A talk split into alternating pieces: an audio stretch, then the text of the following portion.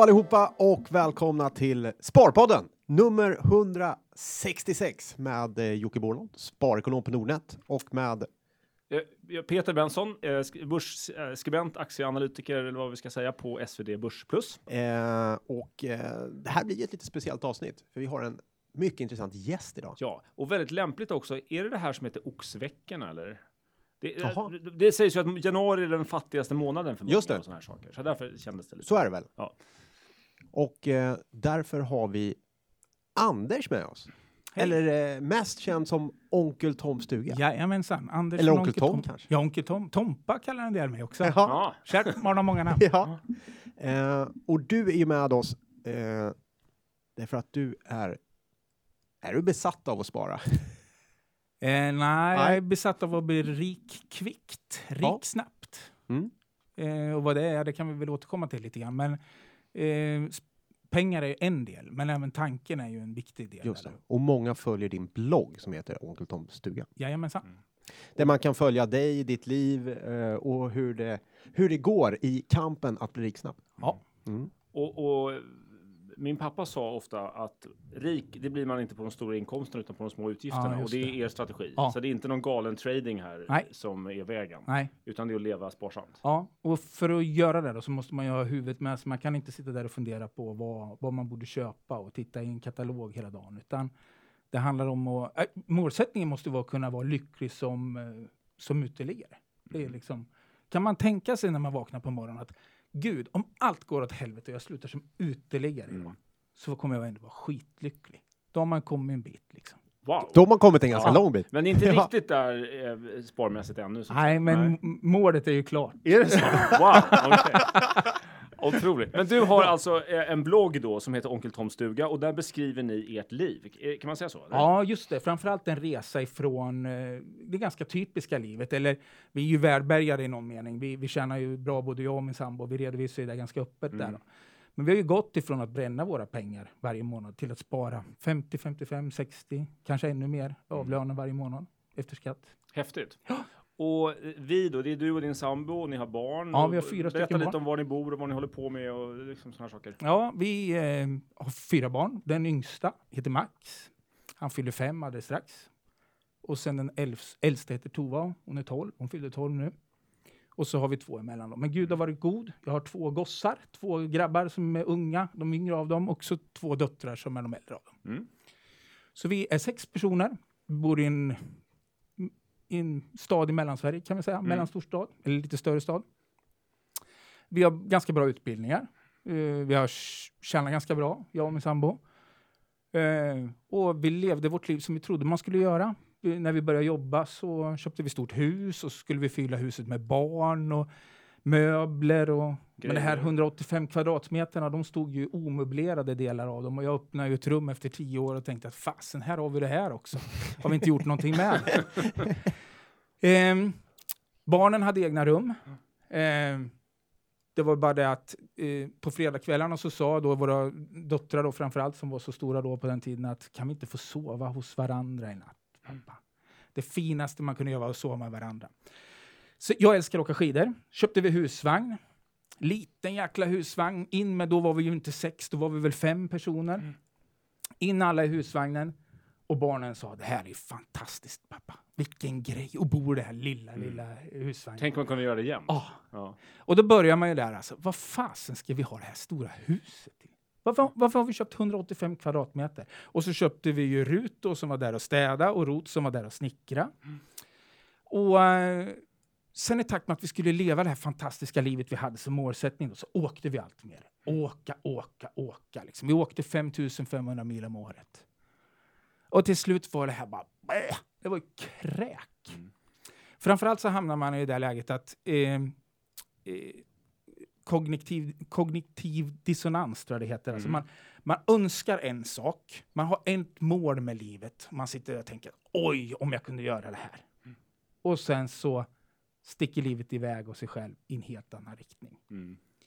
Och det kan ju vara till exempel, man, ja, som många gör nu, de tänker de ska gå ner i vikt, de ska spara i nyåret och sen så sitter de och dricker öl på sportlovsveckorna här uppe i, i Sälen och pengarna bara uff, går ut som, ja, det bara är som en fläkt i plånboken och Själv har de gått upp tre kilo på vägen därifrån. Det där var ju ständigt det som liksom var vår, åtminstone min vardag. Mm. Massa ekorrhjul då? Ja, ekorrdjur och, och Det lät ju lite som en beskrivning av eh, familjen Bornold. Du ser, du börjar ju här med att inleda att du var kritisk till det här. Men du, ja, jag, jag, gillar, jag gillar att dricka Hörlis i Åre. Men eh, fortsätt. Och vad Ja. hände? Alltså, ni, och ni, ni la om då livsstil vid någon tidpunkt? ja, sen, då börjar ju jag eh, se att det, det här går nog att göra annorlunda. Ja. Ehm, så det första, vårt första steg egentligen, det var att vi tog till oss väldigt mycket tankarna runt minimalism. Mhm. Vi ville koncentrera pengar och energi på det vi ville göra och styra vårt liv hårdare. Och Eh, vad är minimalism? ja, Det, igen, det är inte en designstil? Eller nej, något just det. Det är inte att vi har så snyggt i garderoben. Vi har Nej. några kläder i garderoben. Men, men eh, Ett och annat lik kanske. Just det. Nej, men det handlar, för mig handlar det väldigt mycket om att eh, göra sig fri från, kanske i det här materialism, mat, eh, minimalism kanske handlar mycket om prylar, att göra sig fri Mm. från prylar. Men det är även fri från tankemönster egentligen, alltså Mhm. måsten som man måste ha. Då. Ja, jag, måste ha, jag måste ha fin kostym, eller jag måste se ut på det här viset, eller jag måste vara på ett Mm. speciellt sätt, eller jag måste köpa det här och så här. Men från början handlar det mycket om prylar. Va? Minimera prylarna. Sälj huset. Eh, vi, vi köpte en fyra för sex personer. Barnen får dela rum. Vi behöver ingen rut. Vi orkar städa det där skiten själva. Ehm, vi sålde av bilarna. Mm. Gud vad skönt. Det var så jäkla skönt att slippa den där skiten. eh, Alltså. Min dotter som visste mer än jag om det här, hon visste vad minimalism var. Ja. Hon hade för sig att det var att man skulle ha typ, om det var 100 grejer. Ja, Men, men det finns naturligtvis, Alltså- det gör man som man vill såklart. Ja, nej, men men, alltså, är det så eh, Många hårt, kör ju liksom? till exempel sån här in-ut eh, summering. Va? Att du ska, köper du två skjortor så måste två prylar ut. Ja, eller just det. någonting sånt där. Va? Men vi har inte riktigt räknat Med eh, fyra barn så prylar. blir det tufft med 100. Ja, men alltså bara det faktum att vi gick ifrån där vi bodde då, det här stora Ja. huset, så hade vi dessutom en lada på 350 kvadrat. Ja, det är klart. eh, och det där var ju liksom att flytta den där skiten. Jag höll på att bränna ut mig på att kasta, kasta och sälja prylar. Det var helt Ja. galet var det. Men det är befriande. Mm. Det var vårt första steg. Så vår första grej var egentligen att vi sa att nej, vi har spritt ut våra pengar och vårt liv alldeles för mycket. Alla de här prylarna vi har köpt, de står mer som ikoner över vad vi vill vara än vad vi faktiskt är. Ehm, så låt oss samla ihop det här. Men vi, då var inte spara, det var egentligen inte intressant. Det var koncentration av tid. Förenkla på något Ja, sätt. förenkla och, och koncentrera. Sen eh, ganska snart efter den förändringen då, så eh, hamnade jag i en arbetssituation som var, det var både jävligt mycket att göra, den var väldigt turbulent eller väldigt besvärlig att jobba i av olika skäl. Och sen så gjorde man någon omstrukturering mitt i det där också som gjorde att, eh, som inte jag var så nöjd med. Och ganska, jag började känna liksom att eh, om det följde av det här, det vet jag inte, eller om det var en helt fristående grej. Va? Men vad fasen är det här? Jag, det här pallar inte jag tio år. Tio år till med den här skiten, det, det gör inte jag jag. Jag måste liksom hitta en exit på något sätt. Mm. Då. Och så började jag närma mig 50. Eh, det naturliga var ju att söka nya jobb och jag sökte nya jobb och det gick skittrögt. Eh, även, om då, även på de jobbintervjuer och de jobb som jag kom ganska långt på så det, liksom, det tog ju sån jäkla tid. Och det, jag fick lägga ner massor av energi. Söka jobb till exempel i Stockholm, det är en bit för mig att resa hit. då. Det tog ju en dag och sen så blev det ingenting med det och så skulle man prata med någon HR och så, så, nej, så skulle de tänka och så hade de en intern och så. Fasen, Mm. det var ju övermäktigt nästan. Så jag tyckte att nej, men jag skulle bli ekonomiskt fri. Sen började vi jaga pengar. Och då såg vi ju att vi hade ju sett det redan när vi gjorde den här första nedskalningen då, att väldigt mycket sitter ju tanken på oss. Det är ju, spara pengar är ju inget svårt om huvudet är med. Men är inte huvudet med, liksom, då, då sitter man ju bara och har ågren. Då sitter man Mm. och tänker, varför är vi inte i fjällen nu? Och med Varför- huvudet, då menar du viljan, inte, eller, vi- alltså det är inte intellektet som är grejen? eller? Nej, men alltså, man är ju så låst i tankarna. Mm. Alltså, de flesta människor som... Jag, jag som inte har någon bil, då. de flesta människor måste ju ha bil. Bara grundansatsen att möta någon som har Mm. fyra barn. Har du inte bil, du går aldrig. Liksom. Du kommer gå sönder eller vad de tror. Men det går ju. Det går ju alldeles utmärkt. Eh, och, och se de där grejerna. Och jag tror egentligen att det kommer redan. Börjar man med minimalism, börjar man liksom ifrågasätta prylar, aktiviteter och så, då börjar man, då börjar man den här resan egentligen som, som är Eh, behöver jag det här? Varför? Men, eh, jag tycker namnet på bloggen är intressant. Eh, Det, det tog ett tag innan jag fattade det. Men den, Ja. den är då Onkel Toms stuga. ja, just det. Och eh, det är ju då den här boken om den här frigivne slaven som lever enkelt i Ja, just det. då. Ja. Så. Och du skriver någonstans att, att det här är någon slags frigörelse från ett slaveri, eller? Ja. Och hur, hur, vad är det för slaveri? Är det, är det tankens slaveri eller arbetsgivarens? Eller hur ska man se på det? Alltså, Eller, eller en bild såklart, inte verklighet. Ni, ni... eh, min verklighet. Ja. Och Du är inte kedjad på jobbet? Ja. Nej, men alltså, ja, nej, men eh, om vi går till jobbet då. Ja. Alltså, när man pratar om det här så brukar ju alla vara så jävla positiva. Mhm. Det är liksom, om man säger så här, men jag vill spara, jag vill kunna göra mig fri. Nej, säger människor. Gud, jag trivs så på mitt jobb. Mm. Åh, vad det är roligt att jobba. Jag skulle aldrig kunna tänka mig ett liv utan mina arbetskamrater. Och allt det där får man ju ofta ex exponeras med av när man liksom är motpolen. Mm. Jag är inte så dyster. Jag kan tycka det är rätt roligt att jobba. Men verkligheten är ju den att både jag och min sambo är ju chefer och ledare. Vi är ju vana vid arbetskamrater som är både sjuka, utbrända och, och gråter på arbetsplatsen. Det är ju ingen skrattfest liksom. Nej, om du säger så. så eh, så eh, arbetslivet är en del i det här. Mm. Men sen, jag vill ju bli rik fort. När vi pratade lite innan här. Rik fort. Alltså jag vill... Eh, om jag skulle kunna vara nöjd och glad som uteliggare, då vore jag ju Mm. i min mening på något vis rik. Men är det rik, är det att ha mycket pengar eller att klara sig väldigt, väldigt väl på det man har? Det är nog egentligen främst att vara fri. Ja. För att leva som uteliggare är ju inte vad många menar med rik. Nej, Även om du är rik i termer av frihet då kanske då? och jag säger inte, jag säger inte att det ska vara, vara uteliggare, Nej, nej, men, utan kanske- om jag skulle kunna vara nöjd med, om jag skulle kunna, Ja. om jag skulle kunna sitta här och för Mm. mig själv känna, för lycka är ju en känsla, det är ju inte en pryl, det är ju Mm. det är någonting du har inombords. Om jag skulle kunna sitta här och ärligt säga, nej men, jag skit, om jag blir uteliggare så spelar det ingen roll. Jag skulle vara jättenöjd för det. Mm. Då skulle ju det läget ett lite annat när man går och lägger sig på kvällen om man är orolig för uppsägning eller jag vet att du Jocke nämnde att ni hade en jättedyr lägenhet som du faktiskt eh, kände var en Mm. Börda no- Ja. på något sätt sa du vid, något tidigare. Mm. Alltså den finns ju inte då. Nej. Det är, det, är, det är en sorts frihet som är i, hjärnan på något Mm. vis, va? som man måste frigöra sig från. Men, och det tror jag väldigt hårt på. Det finns jättemycket studier på det som säger att den som har kontroll över sin ekonomi är lyckligare. Ja. Där finns det inte så mycket korrelation mellan hur mycket pengar man har. Det finns liksom någon slags gräns där att ja, har du över ja, men en miljon eller en miljard, nej, det skapar inte så mycket extra lycka. Men just det där att känslan av att ha kontroll över sin ekonomi eh, skapar lycka. Och det, det tror jag på. Och det var en orsak till att vi sålde den här lägenheten som vi båda tyckte var väldigt, väldigt fin, men var eh, egentligen för dyr. Ja. Eh, därför att eh, det gnagde liksom i bakhuvudet att nu har vi väldigt mycket lån här. Eh, och det, det kan jag hålla med om. Och det var faktiskt en chef på Nasdaq som alltid sa det att eh, och som gjorde lite grann att jag tog det steget också. Det är att han hävdade alltid att man ska aldrig anpassa sina utgifter efter eh, den nya lönen. Därför det, det kommer göra dig så otroligt ehm, även i jobbet så gör det dig väldigt defensiv. Mm.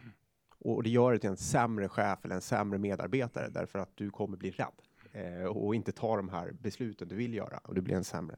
Han tog det ur ett arbetsperspektiv, men, men jag tror även i livet. Så att, absolut, men det är ganska långt till att ta det här steget från, från att bo billigare som jag gör idag, eh, men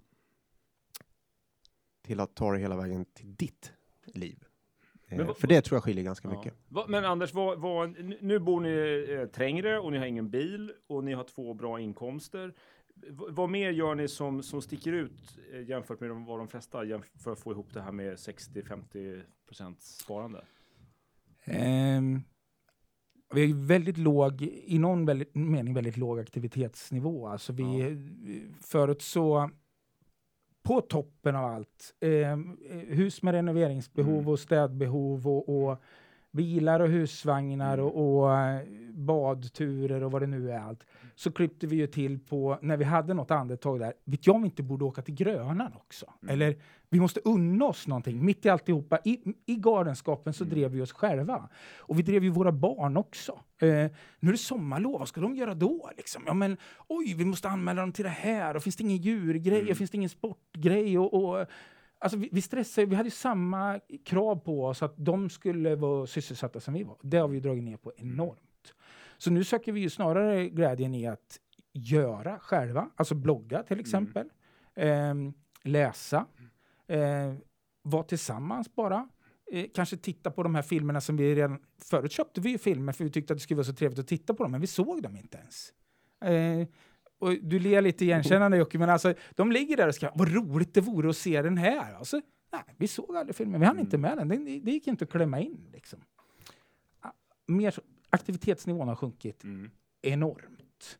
Och det gäller ju fritidssysselsättningar, men även sådana här renovera, Ja. bygga om, tapetsera. Det, det ser ut som det gör hemma. Mm. Liksom. Ja, schysst.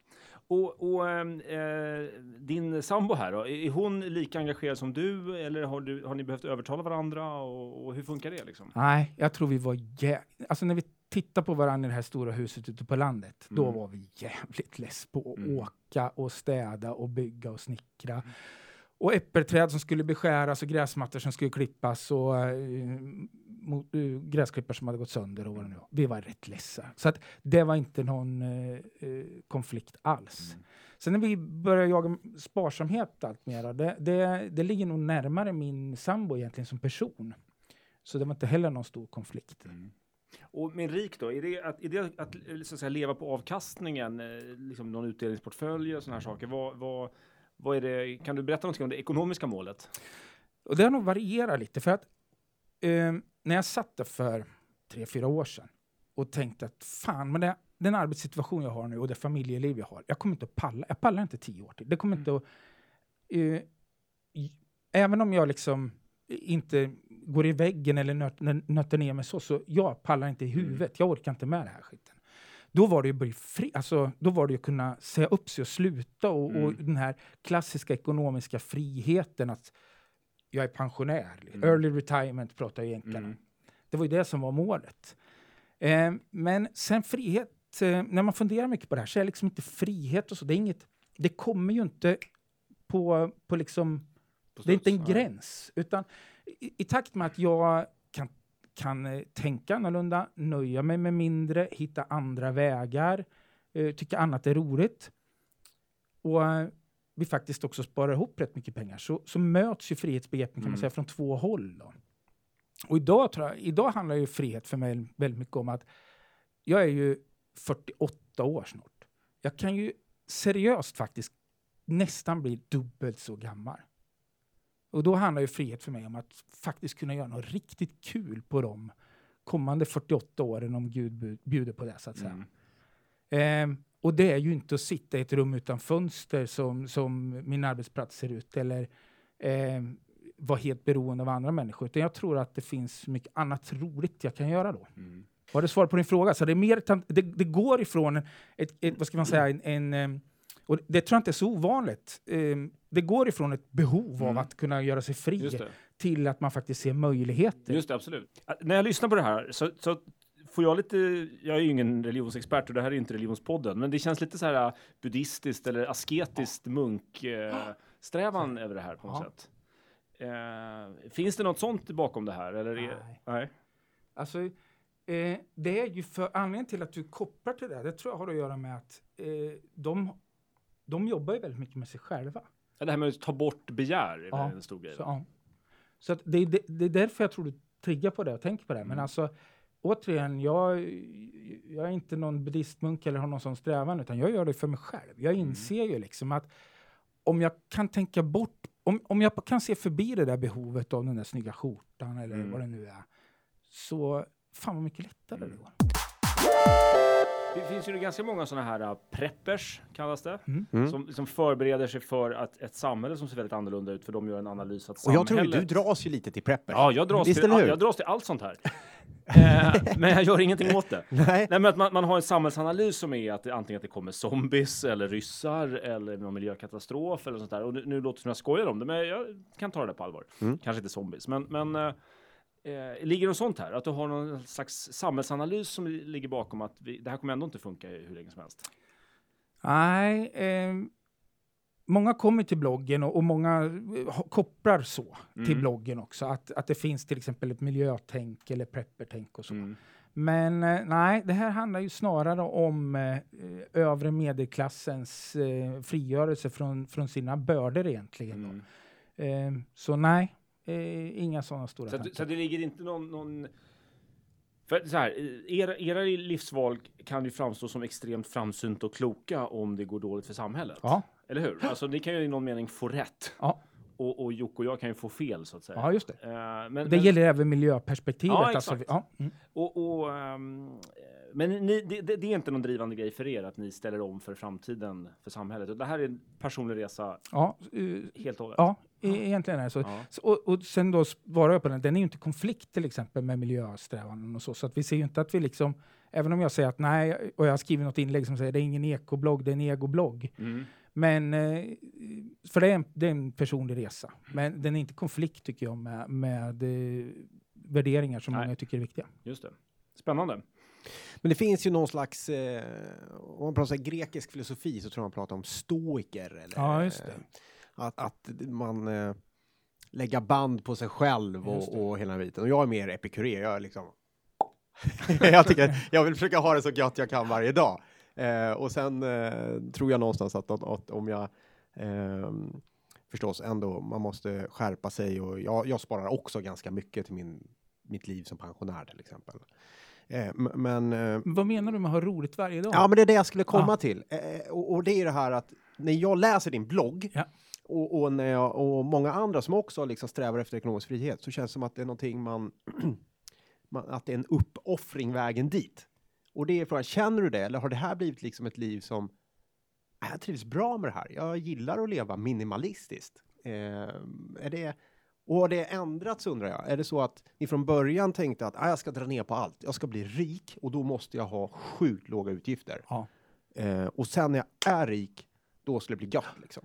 Eller har det blivit så att, för det är nästan så att man, det känns nästan som att du gillar det här Ja, livet. Jag, ju Ja. jag hade ju inte varit här hos er idag Nej. och pratat här om, inte, om jag inte hade gjort det här. Så jag är ju egentligen eh, mycket roligare nu än jag hade innan. När jag sprang och bytte vinterdäck eller oroade mig för avgassystemet. Mm. Ja.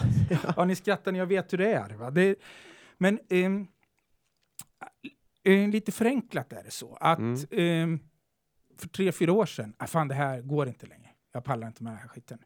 Vi måste spara oss fria. Då man ska sitta där och bara liksom titta på att nu åker vi inte till fjällen i år. Gud, fy fan. För ett par år sedan så tillbringade vi 50 dagar i fjällen. Så det, är liksom, det var det som vi hade som referens. Och så säger nej, vi ska inte åka alls. Vi ska inte göra ett skit. Vi ska sälja skidorna, vi ska sälja pjäxorna. Eh, om man då bara sitter och ältar där, då, då blir det ju ohållbart. Liksom. Och därför, ehm, en av de senaste inläggen här så pratade jag om, om mönster egentligen. Det finns, vi har ju anammat ett helt annat mönster som handlar om att eh, läsa böcker eller utbilda sig eller umgås med varann eller titta på vad vi ska odla inför eh, nästa sommar och sådär. Och det finns ju ingenting i den transformeringen som gör att vi har mindre roligt. Snarare är det ju så att vi, det här är en ganska belönande spiral. Att kunna, att spendera mindre pengar än man eh, får in gör ju att du sparar och du får bättre ekonomi. Om du sen kan lära dig att nöja dig med ännu mindre än vad du kan göra och ännu, ha ännu roligare än vad du har idag. Så då får du en, du får en väldigt positiv spiral. Ja. Och det är lite det som är tricket med att blanda de här minimalism, sparande, investerande och personlig utveckling. Kan du liksom hitta den, eh, den positiva spiralen. Annars kan du ju sitta på nätet varenda kväll och önska dig att du borde köpa den här skjortan, den här cykeln, den här motorcykeln eller vad det nu är. Då. Du, du, ehm, jag tycker det är jättespännande det här att du kallar det för en egoblogg och det är inte så mycket, det här gör ni för er själva och sådär. Men du skriver också, eh, du använder ord som hippie om er livsstil Ja. och sådär. Det känns ju inte så hippie det här att ni, ni då, alltså det är inte så mycket ideologier utan mer eh, bara back to basics, rom och varandra. Ja, och det där, jag funderar rätt mycket runt det där och eh, forskat lite i det där. För att eh, egentligen tror jag mycket för mig själv. Och, och, och det kom ifrån när jag började se att det var väldigt många av de här som var miljö... Eh, det, det är två saker egentligen man kan se. Då. Eh, våran resa är inte så annorlunda om man tittar på den här eh, Familjen på äventyr. Mm. Det är någonting- familj? Det är Familjen på äventyr är ett tv-program på SVT Ah. som kommer nu igen, tror jag, tredje eller fjärde säsongen. Där de följer familjer som eh, gör någon sorts egotur i någon bemär bemärkelse. Hela familjen åker ut och bor i ett år utomlands Ja. eller se seglar jorden runt. Eller så här. Och då kan man se då att eh, till exempel eh, vänstertidningar etc.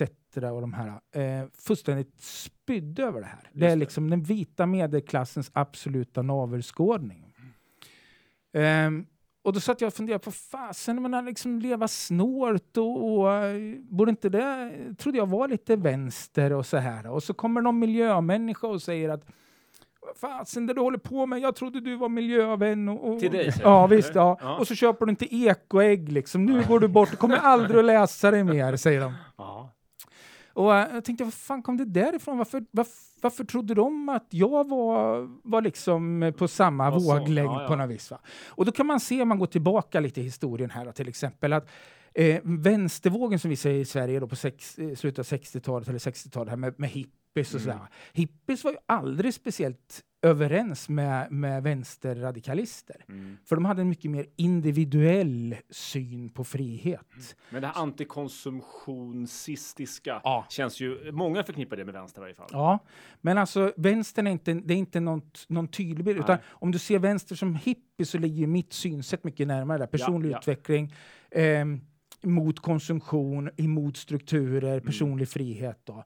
Medan det här kollektivistiska och, och de delarna och det här med, med att eh, det ska finnas någon struktur och någon som bestämmer och en, och en, en, en makt. Proletariatets ja, diktatur är inte riktigt grejen. Här. Nej, det är inte, det är inte min grej. Ja, spännande. Så, att, eh, så det finns alltså, um, historiskt sett så finns det kopplingar till eh, eh, hippierörelsen Ja. och det finns kopplingar, i, du nämnde ju prepper också, självhushållar eh, eh, livsstilen Mm. är ju väldigt, väldigt nära den här. För det är lite lustigt tycker jag. Nu pratar vi om grejer som vi inte brukar i den här podden och prepper är den här som då prepare, alltså förbereder sig. Och den känns ju i anden ganska höger. Men den är rätt Ja. lik egentligen den här gr- gröna vågen Ja. och, och hippierörelsen. Ja. Fast man, man kommer till någon liknande livsstil fast från två helt olika håll. Liksom. Ja, så är det. Men du, vad händer om ni skulle köpa en trisslott och vinna eh, 25 miljoner? Vad skulle ni göra då? Eh, för det första skulle jag undra varför vi har köpt en Ja, men ni, trisslott. hittar den på gat- men ni hittar den på gatan säger vi. Nej, men, eh, Först en utskällning till den som köpte lotten. vem, vem fasen har spenderat pengar på 30 trisslott? kronor då menar jag. Eh, nej, men eh, jag vet faktiskt inte. Eh, jag vet faktiskt inte om det skulle bli så stor skillnad. Eh, vi skulle nog accelerera en del grejer och kanske göra några grejer annorlunda. Men, men totalt sett så är inte det här någon stor uppoffring. Det är snarare ett ganska roligt liv. Det, Mm. det, eh, bara som en reflektion runt det här. Så en av de största eh, grejerna som jag har med mig när jag, sätter och, när jag funderar mycket själv. En av de saker som jag har med mig eh, i livet som är en av mina största gåvor, det är att jag, jag, jag har fått förmånen att lära mig engelska väldigt väl. Det betyder att jag kan åka ut på, i stora delar av världen och klara mig helt själv. Mm. Plus att jag kan ta till mig amerikanska kulturen med allt vad det innebär. Eh, tänk att få lära sig ett språk till. Det vore jäkligt häftigt. Och det är en sån här typisk grej som jag skulle vilja uppnå, som jag, skulle, jag skulle vilja göra i någon mening Mm. men som inte alls kopplar med pengar. Så skulle jag vinna 25 miljoner så okej, jag kanske skulle hyra in en språklärare eller lite sådär. Mm. Men eh, det behövs inte fyllas på med massa grejer i mitt liv. En annan sån här grej är ju, som en del säger, jag vet inte om det stämmer, men att att ehm, eh, konstnärer när de träffas så pratar de bara om pengar, för de har så lite. Och, och folk med pengar, de pratar bara om andra saker när de Mm, träffas. Eh, alltså det kan ju vara så här, att inte ha, att leva snålt kan ju för många driver det fram en väldig fixering med pengar. Ja. Förstår du vad jag menar? Ja. Eh, och det, jag kan personligen tycka det är vansinnigt trist. Ja, det är osexigt med snåla människor. Eh, nej, brukar man men, ju ja, säga, nej, nej, ja, men framförallt om du så här, om du, du eh, om du är så fixerad vid det du inte har. Det är Mm. ganska, det är en ganska, är, man är inte så avundsjuk på dem kan man snarare säga, kanske. Alltså det, det känns inte som en kul livshållning. Och det är det jag lite skämtsamt säger, att jag vill bli rik snabbt. Mm. Eh, vi har egentligen inga ekonomiska eh, begränsningar. Så. Mm. Eh, En, en, en, en, en vidareutveckling på den här frågan som jag inte lyckades fråga på något vettigt sätt är till exempel så här, lägger ni mycket tid på att spara pengar? Man skulle kunna så här, trolla runt på Blocket dagarna ända för att hitta en bra deal på någonting eller förstår du vad jag menar? Så man, lägger du ner mycket tid så kan du ju spara lite mer så att säga. Men Eh, det är också ett sätt att låta den här äh, spariven bli en väldigt stor del av ens liv. Alltså pengar, då blir ju pengar en stor del av ens liv fastän man ägnar sig åt att det här får vi klippa bort helt känner jag. Ja, men ska, jag kanske kan rädda dig. Ja, rädda mig! Försök rädda mig! nej, men, nej, men alltså, Vi ligger kvar. vi, vi, visst är det väl så att eh, eh, vi lägger mycket tid och kraft på att spara pengar. Mm. Men sen är ju tricket att hitta de sakerna där de är belöning. Återigen, jag flyttar ju till stan för jag älskar att cykla. Jag gillar Mm. cyklar. Ehm, jag cyklar ju i vardagen. Jag cyklar och handlar och, och det är en av de mest kommenterade inläggen om man tittar på Twitter. Det är när jag visar hur jag har packat min eh, lastcykel full. Mm. Ehm, jag gillar ju det. Okej, det tar, tar det inte tid, frågan om. Mm. Jo, men alltså det var ju det jag ville ha. Jag ville ju kunna säga att fasen, jag har levt flera år med lastcykel. Jag har fått cykla på de här häftiga cyklarna. Eh, cykeln är svindyr, så det är inte så att vi har jagat pengar där egentligen. Utan tricket är, och det är därför jag säger att det här handlar mycket om personlig utveckling, att ska man i, försöka jaga fram så mycket pengar så det är relevant på att hitta bra recept på en SL-soppa eller eh, laga knappar i, i dressman eh, eh, skjortor, då, då, då har man det tufft. Liksom. Men kan Mm. du tänka bort hela delar? Kan du tänka så här, jag klarar mig utan bil. Mm. Jag behöver inte åka på, jag behöver inte åka till Thailand. Jag behöver inte åka. Mm. Det är ändå bara jävla massa tid. Eh, miljön tar massa stryk och sen är vi magsjuka halva tiden eller någonting sånt där.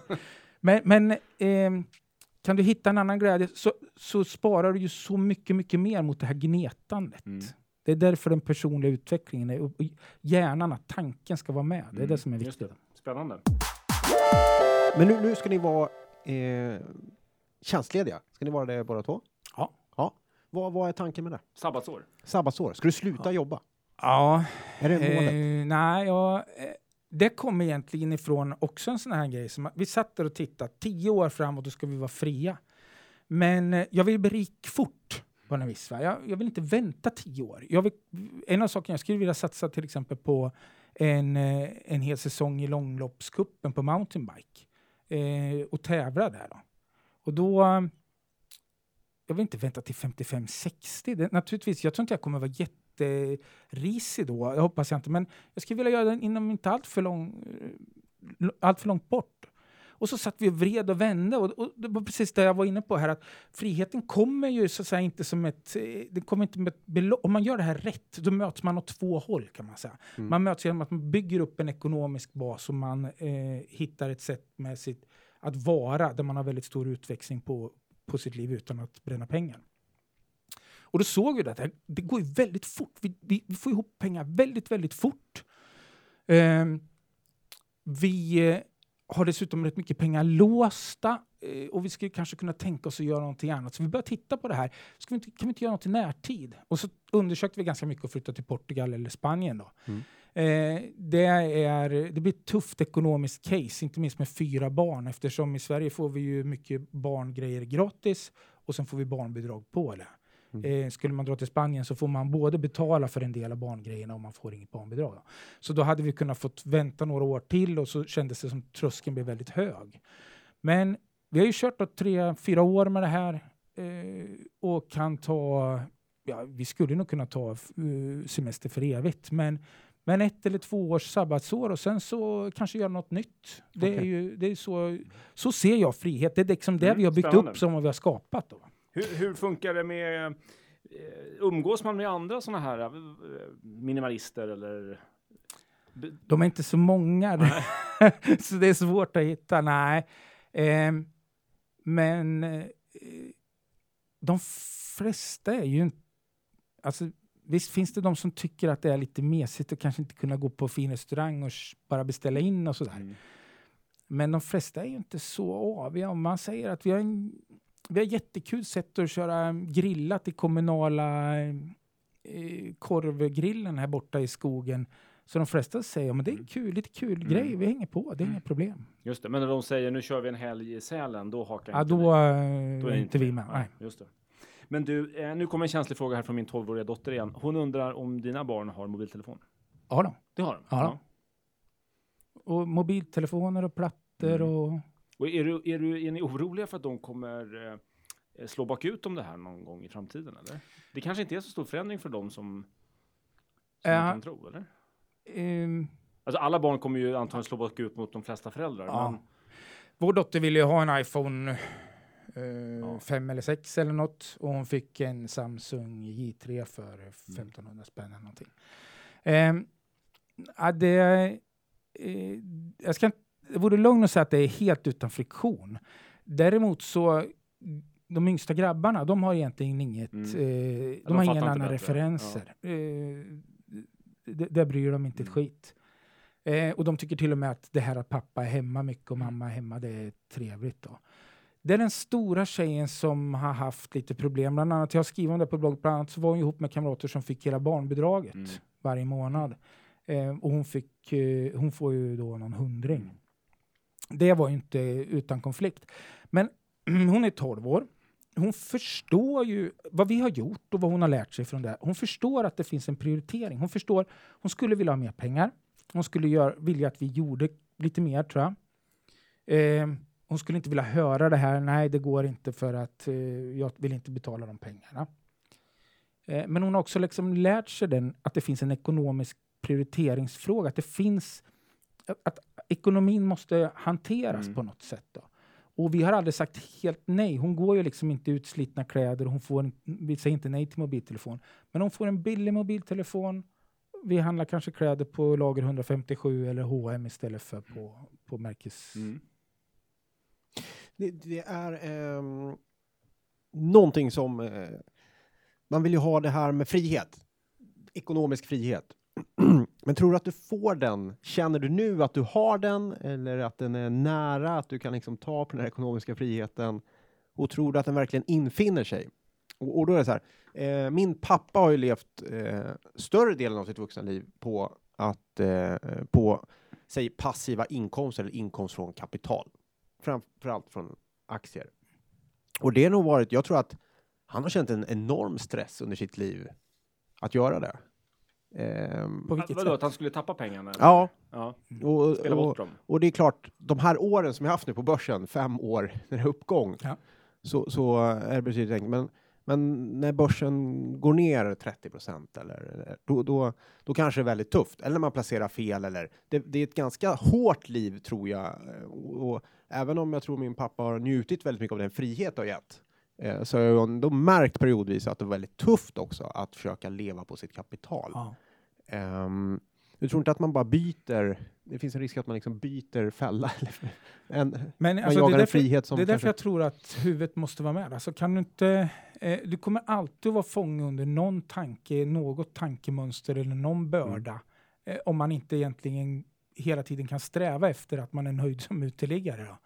För är du väldigt flexibel och, och har väldigt få måsten och väldigt få beroenden och känner väldigt få bördor, då kan man ju parera nedgångar i ekonomin. Mm. Eh, och det ser man ju på många bloggar. De börjar med att säga det att ja, men jag, ska, jag måste säkra 25 000 spänn i månaden, för där går min undre gräns. Och så ska jag säkra det med utdelningsaktier eh, till exempel. Då. Så ska jag säkra 25 000 spänn i, i ut, utbetalda utdelningar varje månad. Och det blir ju, de har ju liksom låst sitt mönster och tankebana och så ska jag aldrig jobba mer. Mm. Alltså då, då har man verkligen Eh, och så låser man in det i tanken. Då är man ju inte fri. Då, då har man nog skapat sig ett ramverk. Jag ser det ju inte så, utan Okej. jag ser det som att vi kommer att ha en, väldigt mycket pengar. Men strävan är ju fortfarande att kunna leva ett så bra liv som det bara går utan att använda dem egentligen. Det är ju vår Mm. utmaning. Och sen är de där som trygghet och som möjlighet.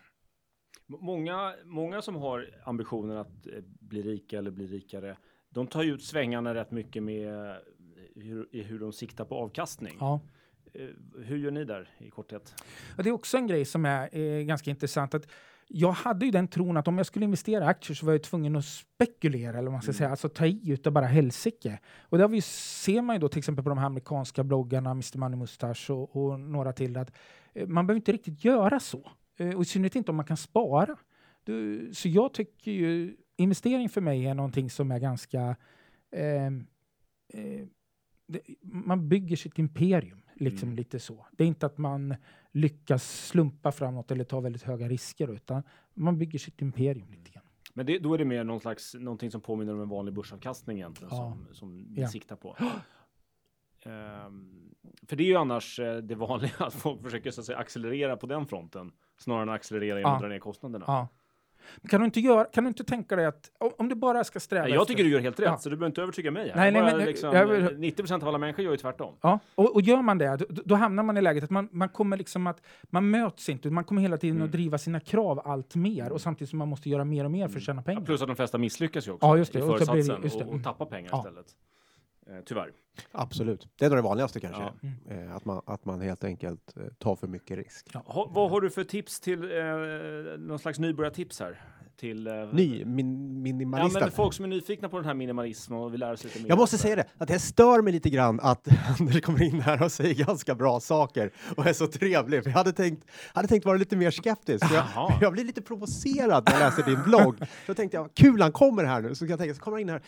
Det, det är rätt vettigt ändå. Liksom. Men, det, det, om nu- jag, nu- om- det stör mig lite grann. Eh, och hobbypsyko- kanske att det ruckar mina egna cirklar. Och det är Ja. alltid jobbigt. Ja, Men jag om jag ska vara lite hobbypsykolog här så kanske det är därför som du inte behöver det här Jocke, för att du har en så positiv grundsyn. Nu direkt Mm. så tycker du att Anders är trevlig och... ja. Alltså du har en positiv grundsyn och då Ja. kanske du inte känner samma behov heller av att... eh, Nej, s- kanske. Inte vet jag, slippa arbetsgivaren Nej, kanske. Jag gillar mina arbetsgivare. Ja, det- kanske. ja. Vad vet jag? Men- Vad vet jag? Men det är fascinerande. Mm. Nej, men, är- är- är, ehm, Förlåt, jag, jag måste ändå haka på det. här. Ja. De flesta, en av de vanligaste kommentarerna, eh, det är ju eh, på bloggen, att att man inleder och säger jag, jag håller med i mycket, men inte allt. Mm. Det är liksom, man måste, och så blir väldigt många otroligt provocerade. Ja. Ehm, och det är väldigt det är roligt. Alltså, eh, jag tycker man ska spara. Om man lever snålt så är man ganska schysst mot miljön. Man ska eh, försöka lära sig att bli glad i sig själv. Då. Ja, jag håller med i mycket det du säger, men jag må, inte i allt. Liksom. Tänker man, vad fasen var det du inte höll med om här?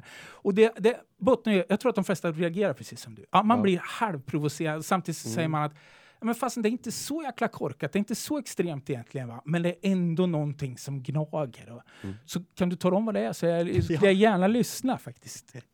Nej, det vet jag faktiskt inte riktigt. Det vet jag inte. Eh, men, men det finns en sak som gnager. Mm. Eh, och, och det, den, är, den är seriös. Det är att man kanske, eller inte kanske, utan man väljer ju att ställa sig lite utanför på ett sätt. Och du säger själv, ja, till exempel flytta till Portugal. Ja, men då kostar, då blir det en kostnad att ha barn.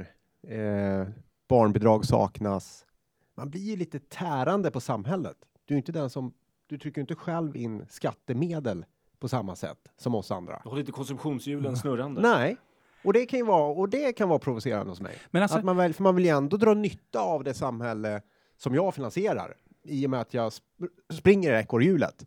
Eh, men den som ställer sig utanför, han vill ju ändå dra nytta av skolgång och landsting och så vidare. ja. Förstår du vad jag tänker? Men alltså, och, ehm, det är en, det är en eh, till viss del relevant. Det första man kan fundera över det är ju om, om vi föds för att kliva in i, i systemet. Mm. Det är inte jag så säker på att vi gör. Det är inte vårt största ansvar liksom här egentligen, utan det, det tror jag är en ganska förlegad syn på, på samhället. Den där trillar man ju rätt, rätt lätt in i själv sen också, att man blir den som ska finansiera sitt eget lilla system med tid och energi. Ja. Och det är det man kan säga nej till. Men sen finns det en annan sak. Jag har inte sagt nej till att jobba. Alltså, utan lite Nej. grann så handlar det om att eh, de, eh, om arbetsmarknaden ska nå människor som har de här möjligheterna så måste ju arbetstillfällena vara attraktiva. Och är de inte det, då kan jag skita i att jobba. Mm. Finns det någon som har kul grejer så hoppar jag gärna på. Men jag kan välja mycket, mycket friare. Jag behöver inte välja för att jag ska finansiera min Merca R-klass. Nej. Utan jag kan välja för att jag tycker någonting Just är roligt och spännande. Mm. Hur var det nu? Hade du några tips på nybörjar eh, här? Om man ska Ja, ehm, i- jag tycker man ska försöka hitta den här läsa din blogg kanske? Ja, läsa min blogg naturligtvis. Och lite av tricket där tror jag att hitta, för det, är, det, är lite, det blir lite för dan så, utan det hittar den här positiva spiralen. Kan jag hitta någonting som ger mig väldigt stort värde, som jag kanske inte har tid med när jag konsumerar, eh, och göra det istället. Styra min tid och kraft på det. Då kommer sparandet med automatik, för att jag gör någonting annat. läser språk eller eh, skriver böcker eller vad det nu är. Lagar mat eller alltså att hitta saker som, som och sen så försöka gå i den där spiralen då. Eh, gör saker som inte kräver pengar, då får du pengar över. Investera dem så bygger du en, en ekonomisk bas, ditt lilla imperium. Eh, fundera på, är det någonting som jag har blockeringar i mitt eget sätt att vara, tankegångar och så, som hindrar mig från att komma vidare i det här. Attackera någon sån, komma lite längre, då, då har man en, en positiv spiral. Det är inte rätt att bara fokusera på det här till exempel. Investera eller spara. Det tror jag är om, spara är många som är duktiga på, men de, de har egentligen ett livsmönster som är eh, gynnsamt för dem. Eh, annars så orkar man inte. Man kan inte liksom hänga kvar och vilja ha V8 och skever och, och stort hus och sånt och så försöka spara. Det går inte. Då, då går man sönder som människa. Utan man måste hitta ett annat livsmönster. Spännande. Mm. Ja, men vi rundar av. Vi rundar av. Ja. Eh, bra, en fantastiskt bra sammanfattning eh, tycker jag. Eh, ja, det här var Sparpodden 166 med Onkel Tom Stuga.